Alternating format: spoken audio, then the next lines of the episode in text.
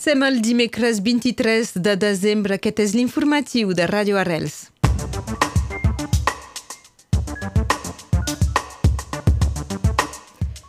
A l'espera de l'acord de l'alta autoritat de salut per una vacuna, el nombre de tests de detecció de la Covid augmenten abans del Nadal. La Generalitat de Catalunya ha tornat a confinar les comarques de Cerdanya i del Ripollès.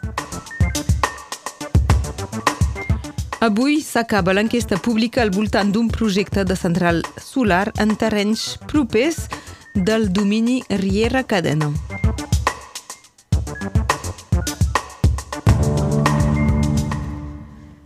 A casa nostra hi va morir una persona amb Covid-19 portant el balanç total per Catalunya Nord a 117 morts. L'Agència Regional de Salut anuncia també que 58 persones són actualment hospitalitzades, de les quals 11 en reanimació. Amb el Nadal i els àpats familiars que s'apropen, augmenten les persones que opten per fer-se el test PCR arribant a unes 4.000 proves al dia a Catalunya Nord i un percentatge d'entre 2 i 3% de positius. Per saber on es poden realitzar aquests tests, hi ha un mapa interactiu disponible a internet a santé.fr.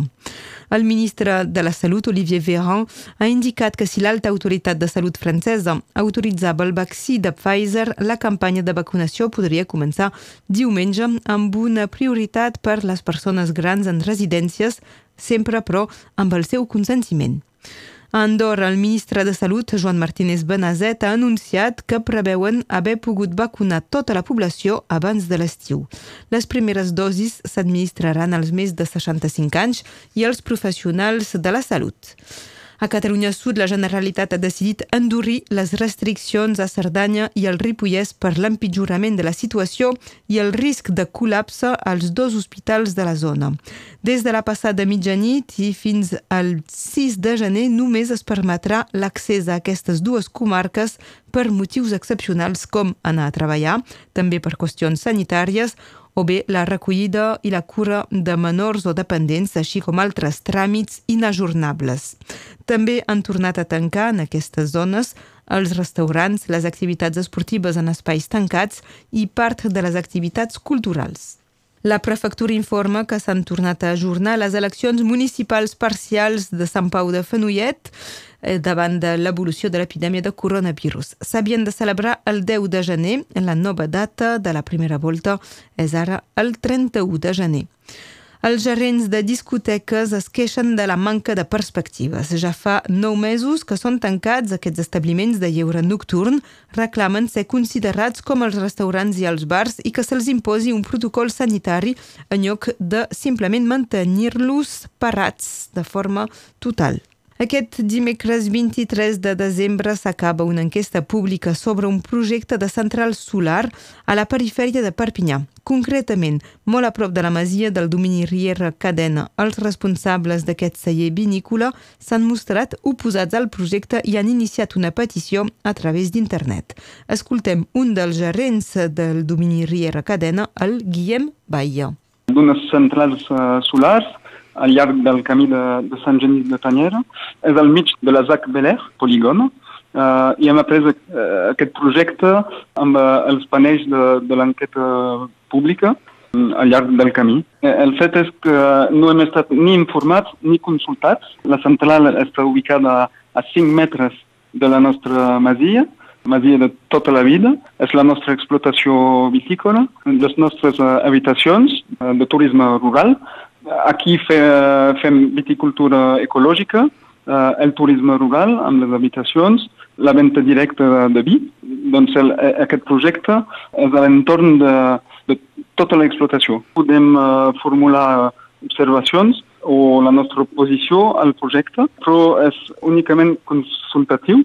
És el prefet del departament uh, que al final donarà o no la, l'autorització de construir el projecte. Eren les explicacions del Guillem Baia, un dels gerents del Dominica Riera Cadena. Han rebut el suport de moltes entitats, entre les quals els veïns, també l'Associació de Gite de France, l'Ajuntament de Perpinyà o encara la Cambra d'Agricultura.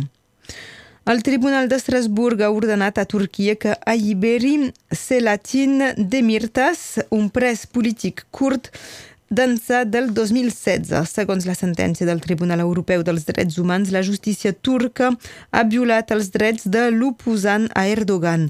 La llibertat d'expressió, la llibertat i la seguretat, l'accés a una decisió ràpida sobre la situació de detenció, el dret de concórrer en unes eleccions lliures i la seva immunitat parlamentària com a diputat. Aquesta nit, tres gendarmes han estat matats i un quart ferit prop de Clermont-Ferrand després de ser tirotejats per un home de 48 anys. La patrulla portava socors a una dona que s'ha estat obligada a refugiar-se al teulat de la seva casa incendiada. Quan els gendarmes han arribat al lloc, s'han fet atacar pel marit. Passem als esports. En rugby a 15, l'USAP va perdre ahir al camp del Colomier pel resultat de 23 a 18. El punt de bonus defensiu permet als catalans mantenir la plaça de líder de Pro D2. El pròxim partit serà el dissabte 9 de gener a Ais de Provença.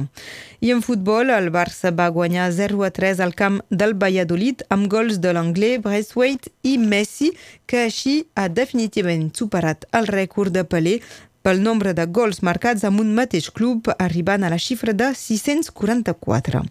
Els blaugranes segueixen a la cinquena plaça de la classificació a 8 punts del líder, l'Atlètic de Madrid. El darrer partit de l'any pel Barça serà el dimarts 29 de desembre amb la recepció de l'Eibar.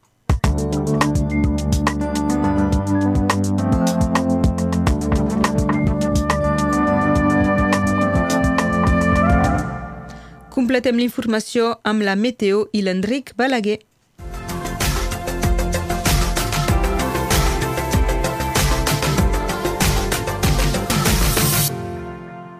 Sembla que Catalunya Nord faci una mica de resistència a l'hivern. Al matí tenim el territori partit en dos a causa de vents de marinada i de llevant. El cel és cobert a l'est d'una diagonal que va del Fenolledès a l'Albera. A l'oest d'aquesta línia és un cel de clarianes amb núvols alts que es faran més abundants a la tarda, però s'hauria d'aixecar al capvespre. Les temperatures són encara suaus i les zones més al reparo del vent gaudeixen d'un parell de graus més. 8 als Angles i a Ió, 14 a Jújols, 16 a Vilafranca de Conflent, 11 a Rigardà, 13 a Bau, Sant Llorenç de la Salanca, Elna, Banyurs de la Marenda, 12 a la Tor de França i al Cor del Vallespí a Arles, 13 a Costuja. És Santa Victòria. El 23 de desembre de 1640, Pau Clarís, president de la Diputació de Barcelona, alça el sometent general contra Castella per conservar les llibertats de Catalunya. Mor el 23 de desembre de 1956 l'arquitecte Josep Puig i Cadafalc, personatge capdalt per la renovació de Sant Miquel de Cuixà. Per demà dijous són figues d'un altre cistell. La tramuntana s'aixeca, pren força, ens porta un aire fred vingut de la depressió a les Illes Britàniques, tot i que el sol encara apareixerà entre els núvols. Ara ben a dalt menjarem turons i amb una guitarra cantarem cançons.